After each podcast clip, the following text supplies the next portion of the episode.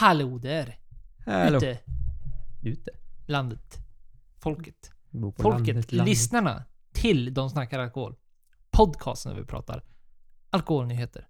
Eller inte alkoholnyheter. Alkoholhaltiga drycker. Nej. Nyheter inom alkoholhaltiga drycker. Så säger man.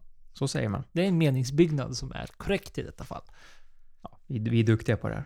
Ja, men välkomna ska ni vara. Välkomna allihopa. Ja, vad har du gjort denna helg då? Nu har vi faktiskt en sån här helg från och med de här tre senaste helgerna där vi har. där man vetat vad man har gjort. Så nu vet jag faktiskt genuint inte vad du har gjort den här helgen. Nu ska jag lyssna spänt, precis som lyssnarna. Ja, jag har inte gjort så mycket. Så det där ju död på allting. Ja, det gjorde du verkligen. Det var... Ja, vi tog ju en paus. Vi har haft tre ganska intensiva helger ändå, så det var ganska skönt att ha en helg när man inte hade så mycket planerat.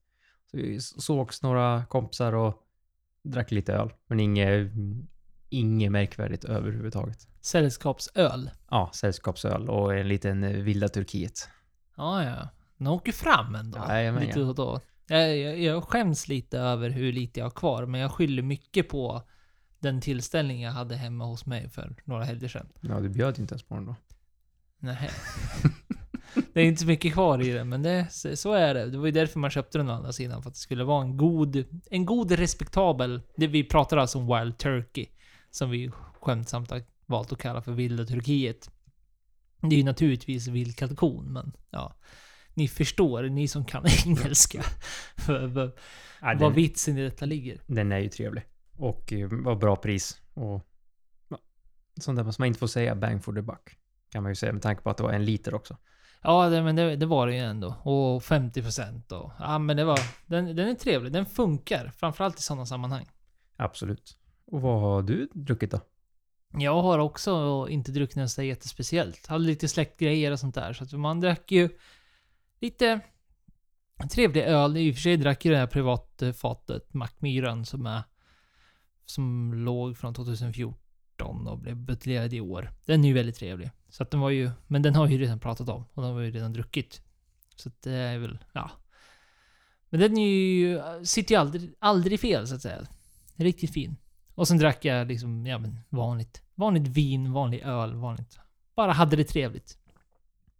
Ja, det var lite Latour och lite kristall och sådana vanligt. Ja, Oftast. vanligt ja. ja, ja. Fan, det är ju det så här. Och sen på söndagen där när man la sig i badkaret så drar man fram en Chateau Margaux naturligtvis. Ja, ja. Du hade väl en i badkar också, lite ljummen och Ja, jag tyckte den smakade sisådär så jag hällde ut det mesta. I badet. lite extra badsalt. Ja, vi läste ju någon nyhet här för, för någon vecka sedan att eh, det skulle vara bra för huden det här med vindruvor och sånt där. Så jag tänkte... Ja, Kan inte bli bättre. Vi dricker inte Chateau Margaux nu inte. Nej, det hoppas jag verkligen inte. Nära. är vi det?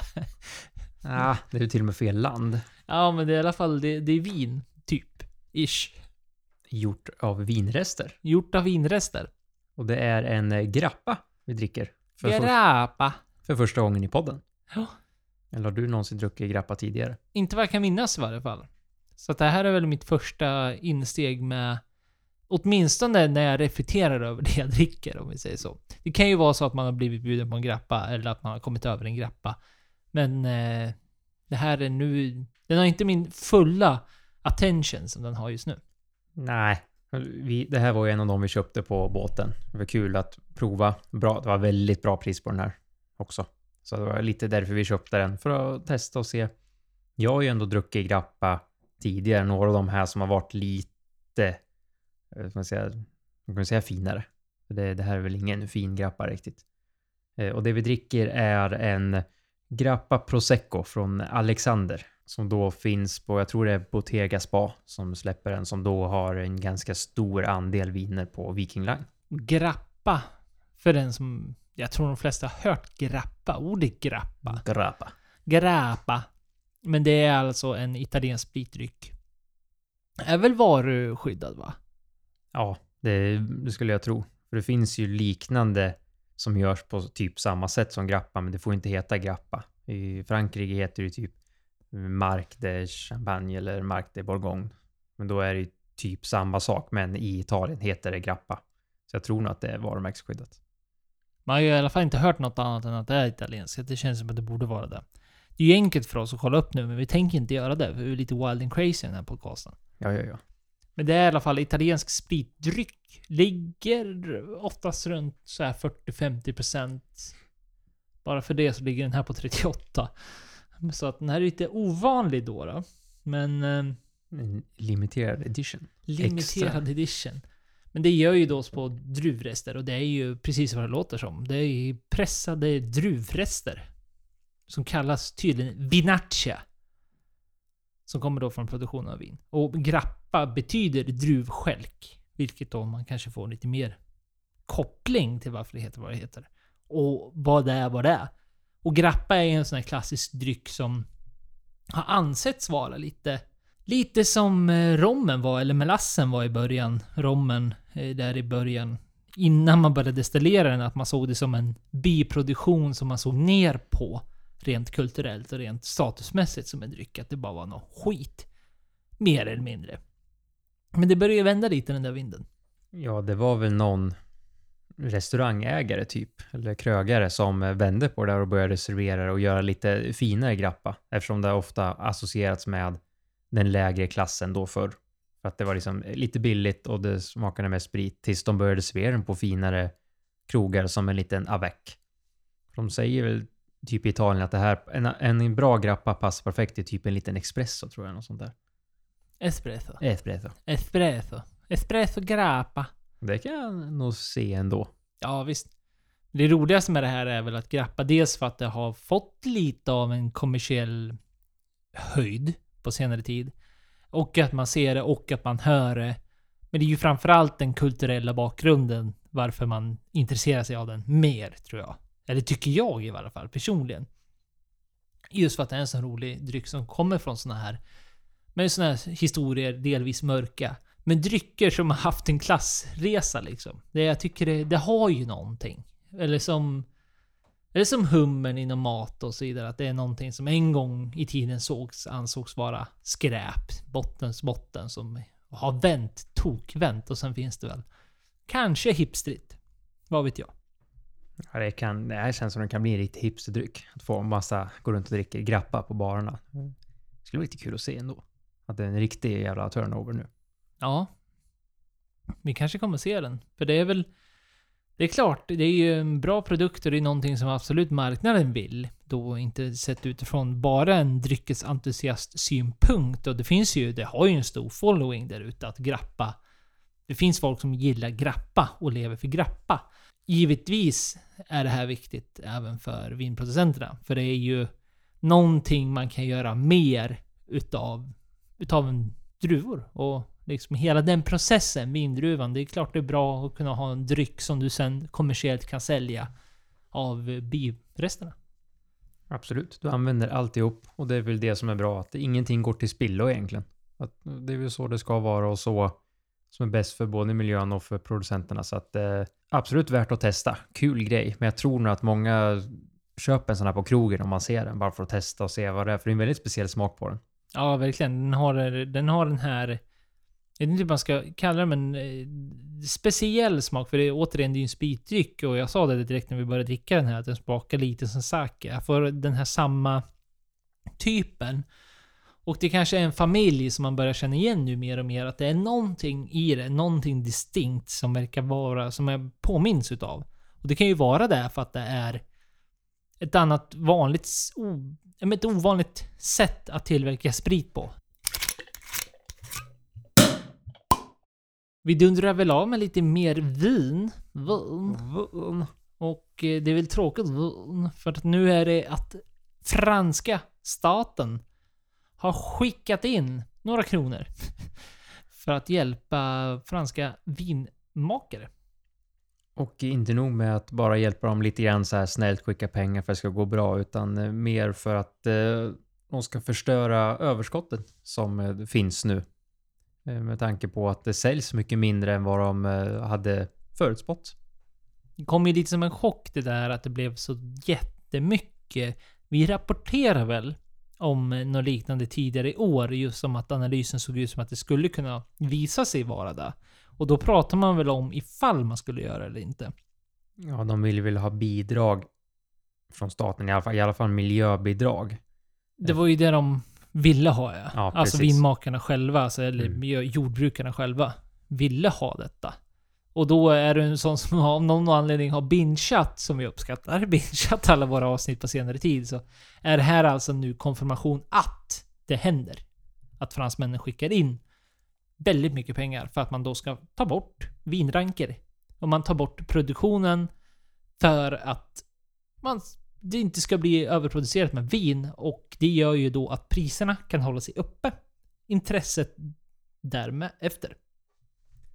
Och det är ju eh, både plus och minus måste man ju ändå säga.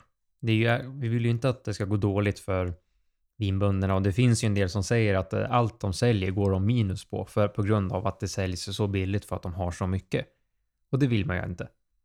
Men sen att det ska ta bort mer vinranker för att de ska kunna höja priserna eller hålla kvar priserna stadigt. Det är ju ja, det, det är en svår fråga. Det är lite så här kluven på hur egentligen man ska stå sig till det här. För att de får pengar är bra.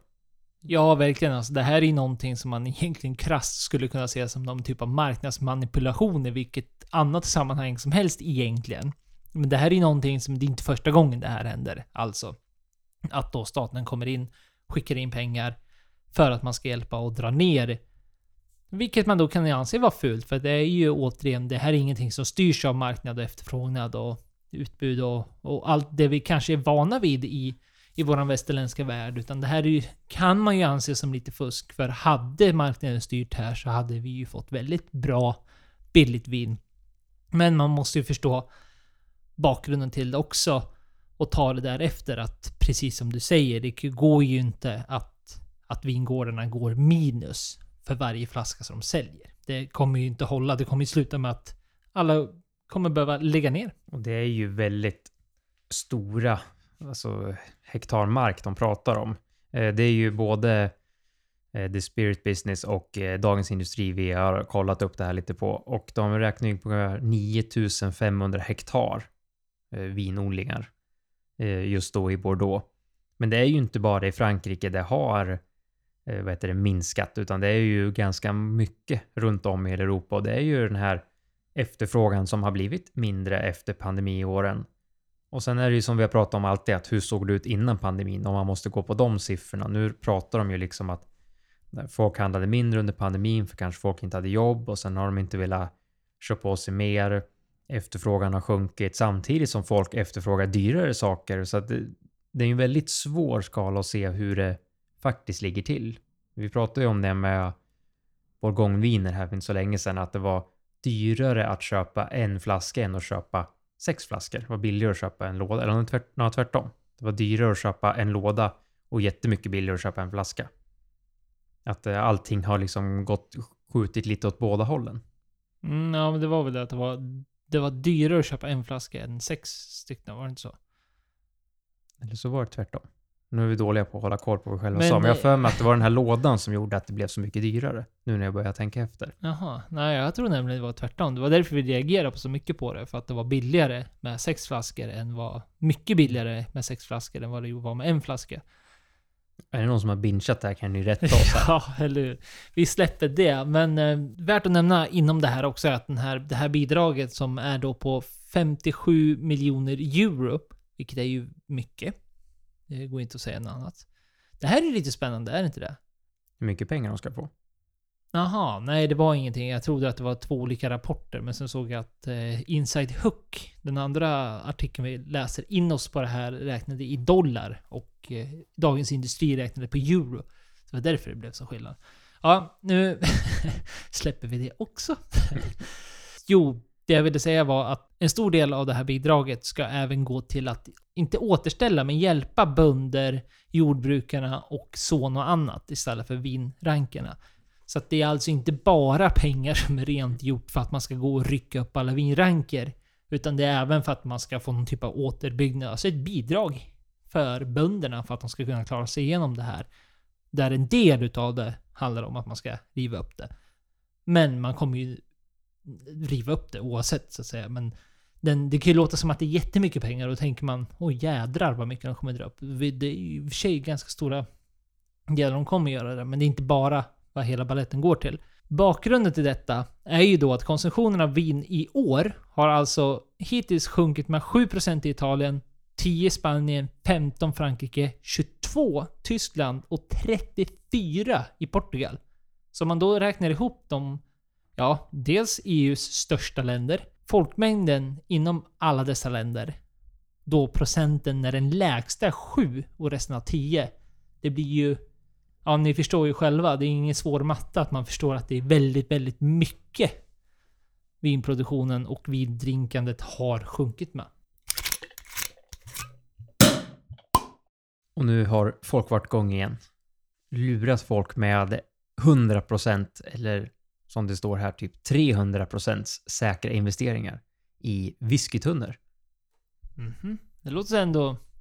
Det låter lovande. Låter starkt. Det Det låter här måste starkt. investera i. Ja, det låter ju nästan för bra för att vara sant.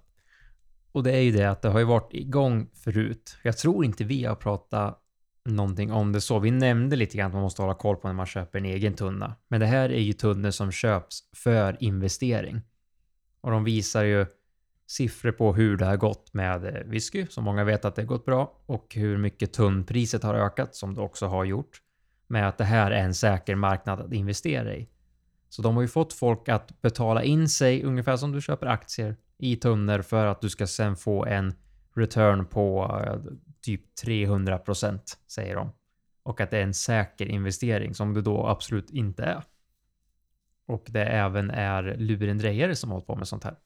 Ja, det är väl de som är det största problemet inom detta. Att det är folk som bara lurar på och eh, tyvärr är det väl ja, men ovetande människor som går, ger sig in i den här eh, businessen som... Visst, är du en eh, riktig handfast entusiast så kanske du garvar lite åt det här och tycker att det är rätt åt investerare som inte har någon aning om varken whisky eller alkoholhaltiga drycker och hur industrin fungerar. Så kanske du garvar åt det här, lite skadeglädje. Men det är ju givetvis tråkigt att det är många som åkt dit på, på det här sättet. Och nu har ju i alla fall UK har de ju stoppat alltså reklam för att man ska kunna investera i tunnor. Och det är ju bra. Det är ju ett sätt att få stopp på det här fusket och jag har för mig att eh, för mig att vi har nämnt det här i podden någon gång om någon som hade blåst folk eller om, om det bara var på whiskyflaskor.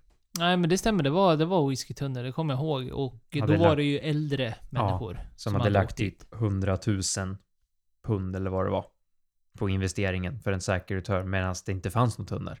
Nej, och det är ju just det som är lite speciellt med detta, är ju att det är då så kallade ghostade tunnor. Alltså att man påstår att det finns tunnor.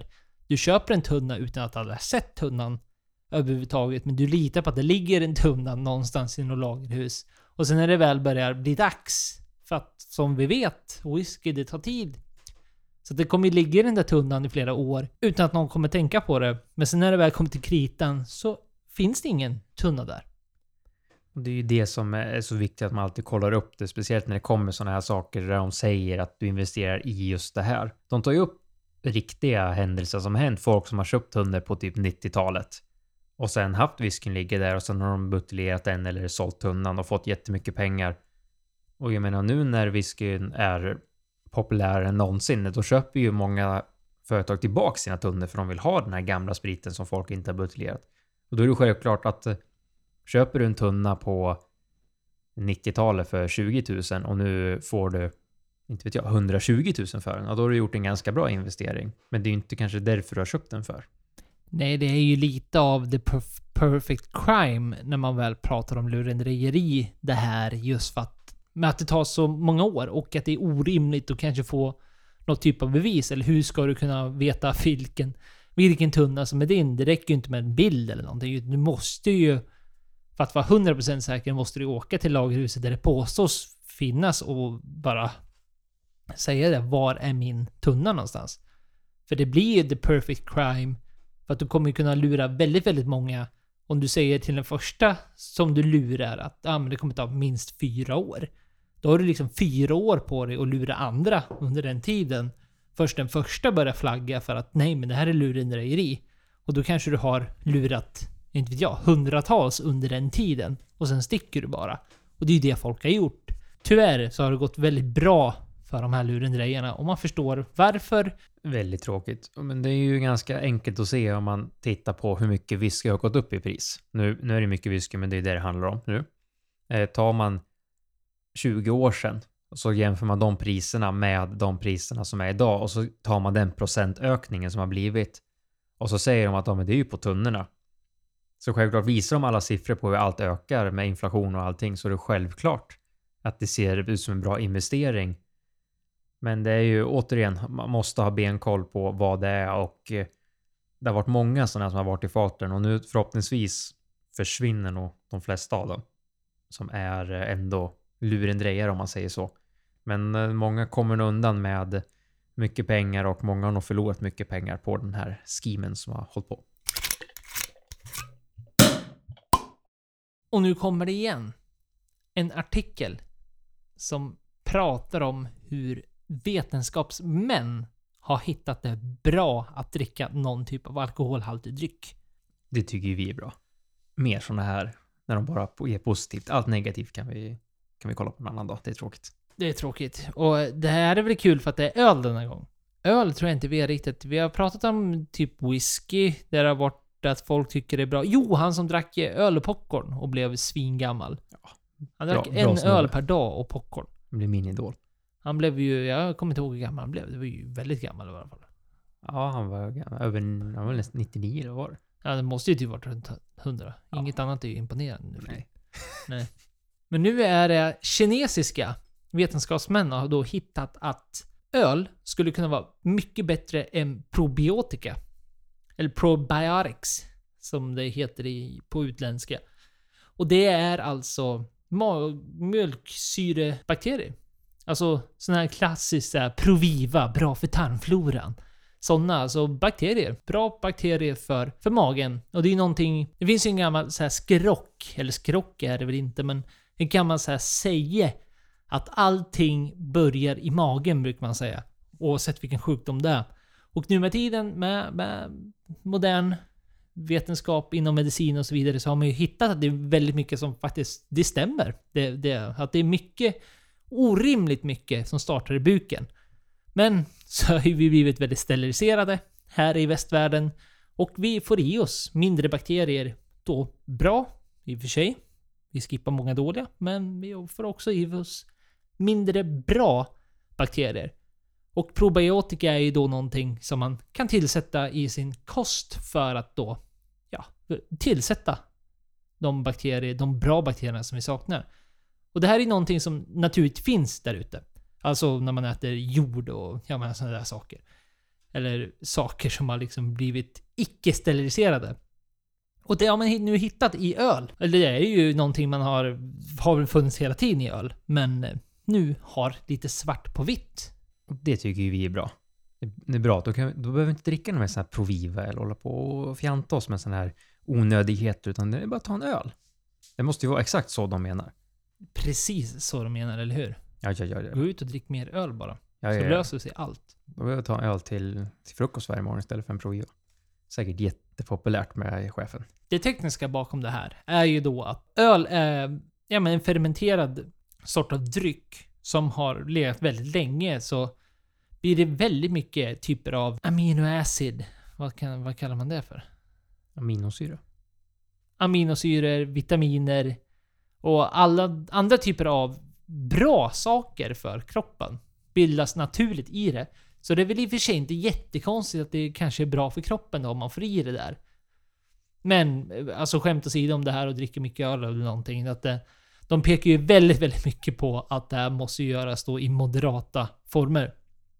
Alltså, vi pratar alltså en öl typ. För att då det här ska bli nyttigt in quotes. Alltså för inom det här perspektivet probiotika. Du får ju naturligtvis samma effekt om du dricker alkoholfri öl. Det är ju bra att det liksom kommer fram mer att det är alltså lite mer svart på vitt. Folk som säger, alltså vi, vi säger ju inte att du ska dricka ett glas öl om dagen och sen ska du dricka ett glas vin, så ska du dricka en whisky och sådär. Det, det är ju inte det som de menar, men att det, det är inte så farligt att liksom ta en och att det gör något bra för kroppen också.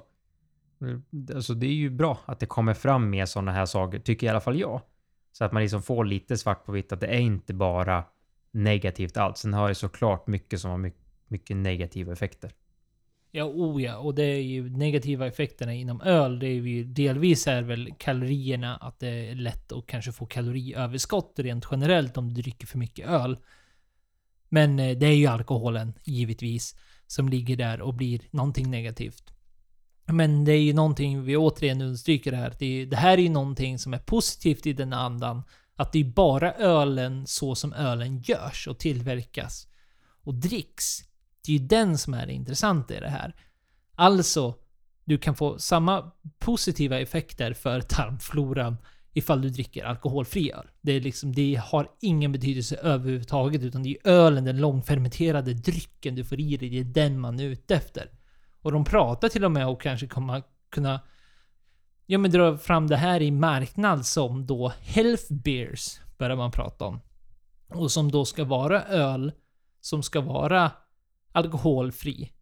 Men för den här aspekten då, för att det kan vara ett sätt att få folk som kanske, ja men borde kanske ta mer probiotika och så vidare, att få dem intresserade i detta. Nämnde väl det med var det Budweiser eller någon som också skulle, eller Bud Light, som skulle köra någon sån här typ fresh beer eller health beer som var med mindre kalorier men fortfarande var bra för dig inom situationstecken. Så att det, det börjar komma mer och mer på kartan det här att folk tänker på vad de dricker och då kanske bra att få fram en bra, ett, ett bra alkoholfritt alternativ om inte annat som man faktiskt kan ha hemma och ta en, en vardagskväll utan, utan att känna sig skyldig om man säger så. Och det här är någonting, det är ju, man kan ju inte gå och poppa champagne direkt. Så fungerar det, ja i det här fallet kanske. Jo. Chemeyen eller någonting. Ja. Poppa någonting, någon, någon öl och sätta det på en fredagkväll och tänka, luta dig tillbaka och tänka jävlar vad bra det är för min tarmflora. Det här är ju en first look och det ser ju bra ut för att de har ju refererat väldigt många andra typer av vetenskapliga artiklar och eh, saker man kommer fram och visst det har varit lite folk som har gapat men det har varit svårt verkar det som just för att det är fokuset ligger inte på alkoholen här utan fokuset ligger faktiskt på processen så som ölen skapas. Så det är väl någonting som förhoppningsvis kommer väcka ännu mer vetenskapligt intresse av andra. Så får vi se vad de kommer, kommer komma fram till utav det här startskottet. Skulle vara kul att se en lista så småningom med de här, med de här sakerna som kommer fram nu. Att det här är bra för det här, det här är bra för det här. Typ som jag pratade om med vin och hud och alltihop. Att ett glas vin om dagen är bra för kropp och själ. Det här är en lista på allting de har sagt eh, som är positivt om alkohol. Får vi ta och lista ut någon gång för framtiden.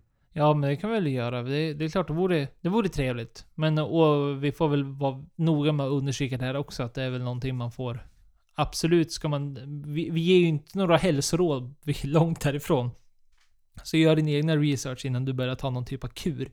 Gå inte och drick massa öl nu och säg att nej men de, de snackar alkohol. Du hör ju själv hur fånigt det skulle låta, så gör inte det. Och nu kommer en del av verkligheten alla varit så nervösa över när man började höra om AIs fart i samhället. Och det är ju det att nu är de ute efter jobben igen. Och inte vilka jobb som helst, utan ölbryggeriernas jobb. Och det är ju Inside Hook här igen som eh, rapporterar att eh, det blir mer och mer vanligt att eh, jobb ersätts med AI istället för eh, vanliga personer. De rapporterar att det är 110% höjning från förra året. Och det är väl... Jag tror väl att det är lite skruvade siffror där. Eftersom AI fortfarande är någonting som har utvecklats väldigt, väldigt fort under väldigt kort tid. Så man behöver inte ta det som något så svart på vitt. Men det har väl... Det är ju svart och vitt på att det har tillkommit och att det har ökat. Men just 100% kanske... Det är inte säkert lika radikalt som det kanske låter. Men det är ju fortfarande en eh, hög siffra och det är ju ändå jobb som kanske en annan person, inte, inte kanske vi, men eh, någon person som sitter på det här jobbet som blir ersatt av en eh, robot. Som då är den här hotsituationen som man sett i alla futuristiska filmer, vad säger man? Precis, och det är det alla pratar om. Att det, nu kommer det någonting nytt. Ungefär som när robotarna kom in, in i industrin, alltså produktionsmässigt alltså. Och tog massas massa jobb så tror man ju att det här kan vara nästa våg av AI. Och ja, visst, det kanske ser ut att kunna vara det. Och i det här fallet nu då så handlar det egentligen bara om giganter, alltså stora byggerier, typ Heineken-nivåer. Och de jobben som då har tagits över så är det framförallt saker som har med räk alltså att räkna och data egentligen. Alltså det är inte folk på bryggerigolvet eller någonting sånt som har påverkats. Mycket craft beer, alltså hantverksöler, har ju tagit AI, låtit en AI göra ett recept för egentligen det är väl en lattjo gimmick. Så. Men så det är alltså stora bryggerier som har tagit in AI istället för folk för att göra dataavräkningar och så vidare. Så det har ingenting med bryggeritekniskt sätt att göra. Men det är ju någonting som påverkar industrin oavsett. Det är ju ett negativt sätt, men samtidigt så är det ju ett eh, framtidstänk. Så att det, det är lite både och. Om man kan lita på att allting går som det ska så är det ju här ett kostsamt sparande. Så det blir både och. Eh, för företagen sparar ju pengar på att låta en dator göra jobbet medan eh, folk förlorar jobbet på att en dator kan göra jobbet. Så det är ju lite både och beroende på vilken sits man sitter i om man säger så. Men det är ju mycket som du sa, det är mat matemati matematiskt och datorjobben och räknar och håller på med sånt. Så det är inte på golvet de ersätter folken. Får vi se vad det här blir nu när det är... För det är väl det som många förespråkar också och tänker de kritiskt tänkande över hur att en fot är inne för att man tillåter AI komma in och ta en viss del av jobben, även om det är den här räknesidan av jobben. Så öppnar det upp för diskussionen att har man gjort det en gång kanske man gör det igen. Och återigen, utvecklingen av AI går väldigt, väldigt fort. Och ska då AI börja bli mer kreativ och hitta på mer saker, så visst, då kanske det är någonting man behöver oroa sig för en tid framöver. Ifall AI blir så pass duktig så att den faktiskt kan ersätta ja, men det vi anser vara hantverket. Och vi avslutar veckans nyheter med kanske min favorit. Ja, det var den längsta artikeln du skickade nästan. Ja, den, den är lång, men den är väldigt intressant. Skrev, också skriven på Inside Hook. Inside Hook levererade denna vecka. Det ska de ha. Men nu är det så att man börjar prata om syntetisk alkohol. Alltså, man har hittat... En forskare har tagit fram någonting som man tror sig kunna ha samma påverkningar, inverkningar på kroppen som alkohol, fast det inte är alkohol. Det är ju alkohol man vill ha ibland. Hur tänker de nu? Det är precis så han tänker, den här äldre, äldre vetenskapsmannen. Han det, tänker det David Nutt. Jag tycker, ja, det är ett intressant namn. Och, men det som jag tycker är kul med det här är ju själva bakgrunden med den här Mr. Nutt. Bakgrunden till att man tog fram den här syntetiska alkoholen är ju då att han som har gjort det är en eh, generellt sett en människa som är väldigt mycket emot drickande, han är emot alkohol eller någonting. Men det är ändå lite coolt att han ändå har insett att folk rent historiskt sett och jag säger inte att det är vi, jag säger inte att det är du som lyssnar. Men det finns folk där ute som dricker för att man vill känna och är ute efter något visst av rus. Och det är någonting som har präglat mänskliga historien genom hur länge tillbaka som helst. Egentligen sen vi insåg att alkohol kan göras så har man ju jäst och man har hållit på i stort sett med vilken pryl man har fått fram. Så han har ju insett det här. Men han kommer då fram med den här syntetiska alkoholen för att han vill att det ska finnas ett alternativ. Visst, du kan få ruset. Men du behöver liksom inte förstöra hela dagen efter eller riskera att du går ut och ja, med slagsmål och alla de här negativa sakerna som alkohol är laddat med, med all rätta. Så är det ju en väldigt speciell man som har en väldigt annorlunda approach till detta. Det är ju en väldigt intressant take på det som du säger med att han förstår ju att folk vill ha ruset av alkohol. Men att samtidigt så är ju alkohol är ju inte bra för kroppen om man dricker alldeles för mycket och det behöver inte vi nämna för det vet nog de flesta här. Att man ändå kommer fram på någon sorts ersättning som eh, förhoppningsvis är bättre än vad just eh, alkoholen är. Och han säger ju just det att man liksom, det är ingen som har tänkt att det finns kanske ett tredje alternativ. Att man alltid har tänkt på att okej, okay, alkohol är någonting som man gör. Det kan vara ceremoniellt, det kan vara viktigt för vissa religioner, det kan vara viktigt för men kulturell, kulturella och sociala sammanhang. Också har man haft den här sidan som bara negativt. Och det är ju oftast folk som har sett den hemskaste biten utav alkohol. Så man har satt en stark sida där liksom, äh, men vad fan, det, det är klart vi ska... Man ska kunna ta sig en jävel till de som ren ramaskri att det förstör för så jättemånga. Och det är den approachen han har haft nu, att han presenterar en tredje väg. Att det, du kan faktiskt få ruset, men du slipper skiten. Och det är ju väldigt intressant. Och det här ska vi understryka är ju någonting som är i sin test, men verkar gå väldigt med rasande fart framåt. För det är någonting... Ja men investerare hoppar ju på denna chans. Men han säger själv att det kan vara en 50-50 för att det här ska gå vägen. Han hade ju ändå tidigare, om man läser den här Inside Hook-artikeln, tagit fram ett eh, substitut som funkade för bakfylla. Eh, som då bara funkade på typ en råtta, men hade ändå funkade. Så att det är, han har ju ändå varit på den här saken hyfsat länge, att försöka hitta något substitut för det här och sådär. Så att det är ju ändå, det är en intressant take på alltihop och, och tankesättet och det är intressant att se vart det leder och hur det funkar. Sen är det ju svårt att slå sig in på marknaden så. Det beror ju på vilken person man söker efter. Du som entusiast som vi är, är ju mer det här att visst, det skulle vara intressant att prova och se vad det är för någonting, men det är ju inte det vi vill ha. Vi är ute efter smakerna och testa nytt och massa olika, så att det är inte alltid ruset man är ute efter, utan det är väl själva smakupplevelsen och det vet jag inte hur mycket de funderar på i det här sammanhanget.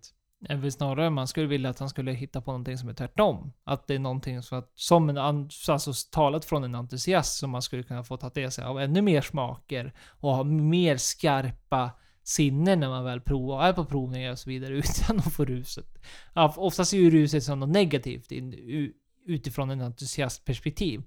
Men det är klart det kommer finnas en marknad för det här och det är ju det han, han säger det själv. Att det inte är konstigt tycker han då att investerare hoppar på den här för att de siktar mot 1%.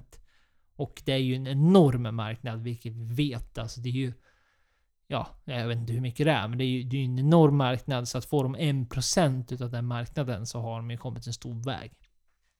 Absolut, och då finns det ju absolut pengar att ta av på den 1% av den här jättemarknaden som då är alkoholindustrin. Där det är alla sorters alkoholhaltiga drycker och det finns ju ett gäng. Vi sitter ju och dricker grappa.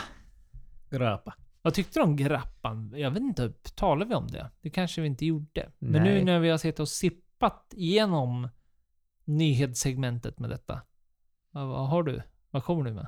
Jag har ju druckit grappa tidigare och jag måste säga att det här var ju den sämsta grappan jag har druckit. Och det ska väl understrykas att det här är ingen fin grappa. Nej, det här är ju Det är det billig. verkligen inte. Den kostade 99 kronor på Viking Line så att det var ju ingen, ingen dundergrappa. Så jag säger, jag har druckit typ här grappa, Di Barolo och sen någon mer, sån åldersbestämd som var typ eklagrad. Och eh, det påminner ändå. För då ska jag säga, nu när vi har suttit, när man luktar på den här vi har nu, då ska jag säga verkligen, så luktar det ju typ fermenterad brännvin. Känns det som. Ja, det luktar ju inte gott. Nej. Absolut inte. Men eh, när man väl får in eh, alltså smaken i munnen så kommer en eftersmak som är ganska trevlig ändå. Tycker jag i alla fall. Alltså den, den ändå ger någonting som är, ja men det här var gott. Ja, men jag håller helt med. Den är inte bra i nosen, men smaken gör den ju mycket, mycket, mycket bättre. Och den går i. Men poängen var att vi drack grappa. Eller jag vet inte om det är poängen varför vi drack grappa. Eller varför vi kom fram till det här ämnet. Men det är ju just kulturdrycker.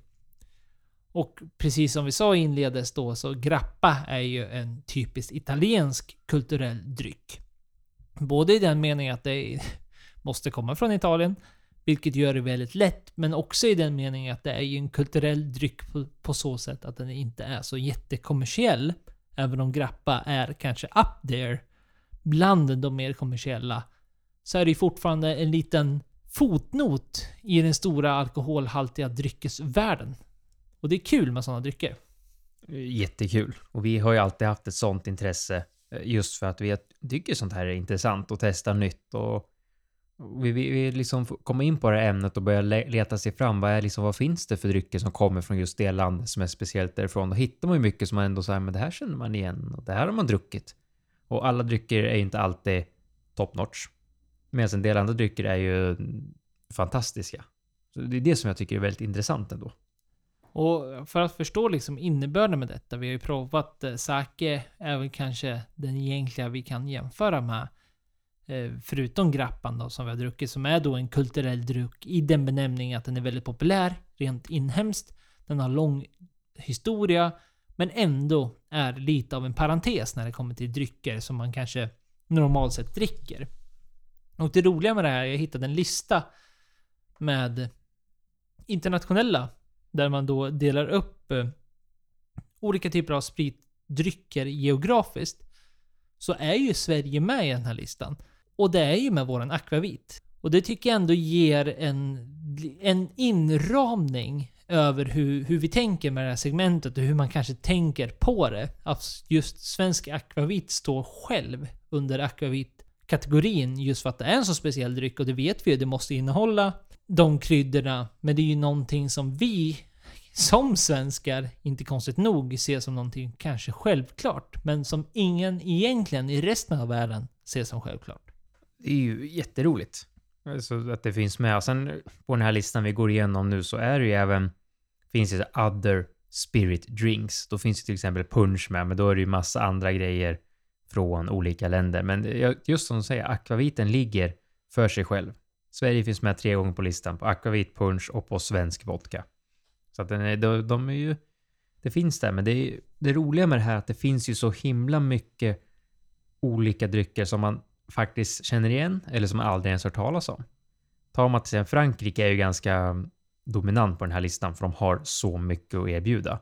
Med sin ciderdryck med calvados och de har konjak och de har armagnac och de har ju liksom liknande som grappa fast det inte heter grappa utan eh, mark. Så att det, det finns ju mycket kul och det är det som är roligt att se att det liksom det finns många grejer som är väldigt väldigt så här, vad ska man säga, inhemska som man kanske inte ser så mycket här i Sverige i alla fall och inte lika stor popularitet i alla fall. Nej, precis. Och det är ju kul för oftast är det ju, blir ju väldigt geografiskt. Det blir ju demografin för intresse av det här har ju ofta sin historiska punkt till, till varför det är vad det är som vi har med exempelvis våran akvavit. Att det är, ska vara gjord av kryddor som vi råkar ha här, vilket inte är konstigt. Men att det också kommer från en bakgrund där spriten gjordes på ett sätt. Där den konsumerades på ett annat sätt och gjordes därefter på ett annat sätt. En annan vi kan nämna som vi pratade om i somras när vi väl var där var ju genever.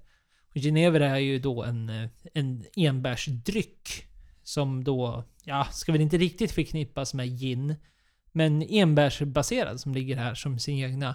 Också som har, i och för sig så är ju den större än vad både akvaviten är och kanske argumenterbart för många andra vi har nämnt här. Men det är ju då typiskt Belgien, Holland, Frankrike, alltså nordiska delar av Frankrike och Tyskland. Och vissa delar av Tyskland. Den var ju väldigt begränsad när vi var, väl var där. Vi tittade på Genevermuseet i Hasselt, Belgien och även när vi drack.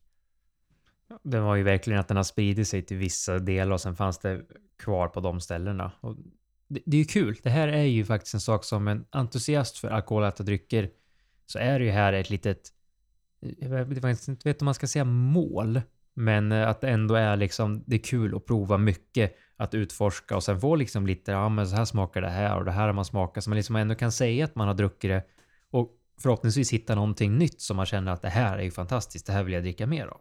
Och jag tror det inte har underkommit någon i, som har lyssnat på den här podden att jag är ju väldigt förälskad när det väl kommer till kulturer och eh, hur, hur människor förhåller sig till vissa kulturella fenomen. Och då vara entusiast med alkoholhaltiga drycker så blir ju det en väldigt rolig kombination om man väl ser på sådana här. Och det är väl kanske det man vill uppmana folk som är ute och reser. Att titta upp vad, vad finns det för en typ av inhemsk tradition? Och då inte så lätt som att kolla upp viner exempelvis. Eller, men även om det finns en liksom, inhemsk tradition som Belgien exempelvis nu då. När vi var i Hasselt, Belgien som har en, enorm historia av öl.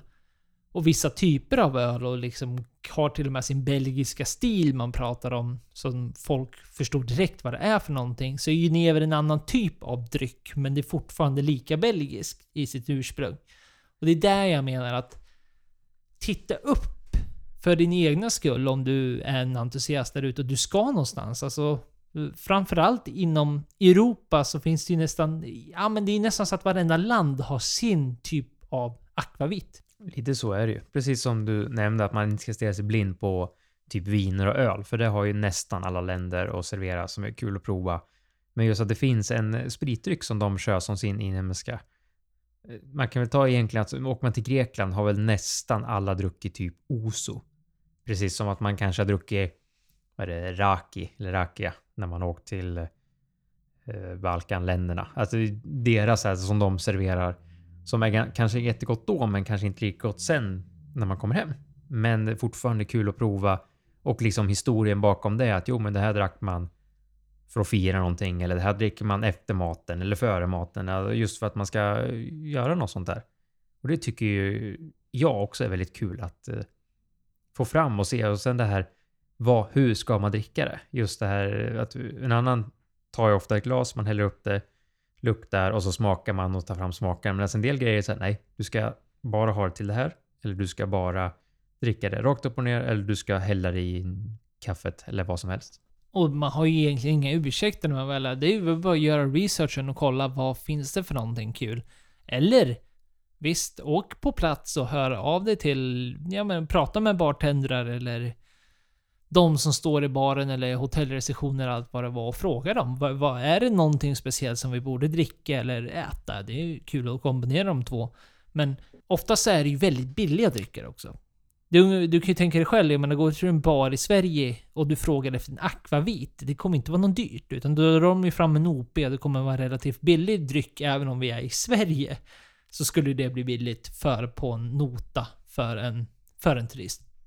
Och det ser likadant ut, jag menar, när vi var då och provade i Neven. Nu kommer det här som ett exempel igen, men det är väl för att vi gjorde det nyligen och vi pratade om det i podden förut, så du som lyssnade på det avsnittet kanske har någon association till.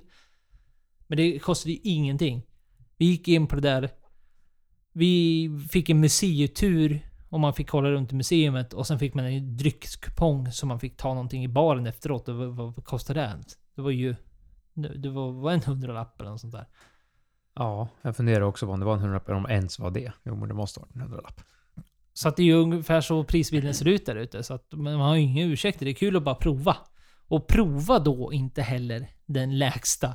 Vi gör ju kanske fel nu när vi sitter och dricker grappa. Och vi har ett 99 kronors grappa från Viking Line. Det, det är väl kanske inte att göra det helt justice, men samtidigt så kan man ju argumentera för att det kan vara kul att dricka det absolut roaste. Ja, absolut. Det är lite nu vi pratar om det här med att vi gick på Neonmuseet. Det var ju samma sak egentligen när vi gick på Svenska Spritmuseet i Stockholm.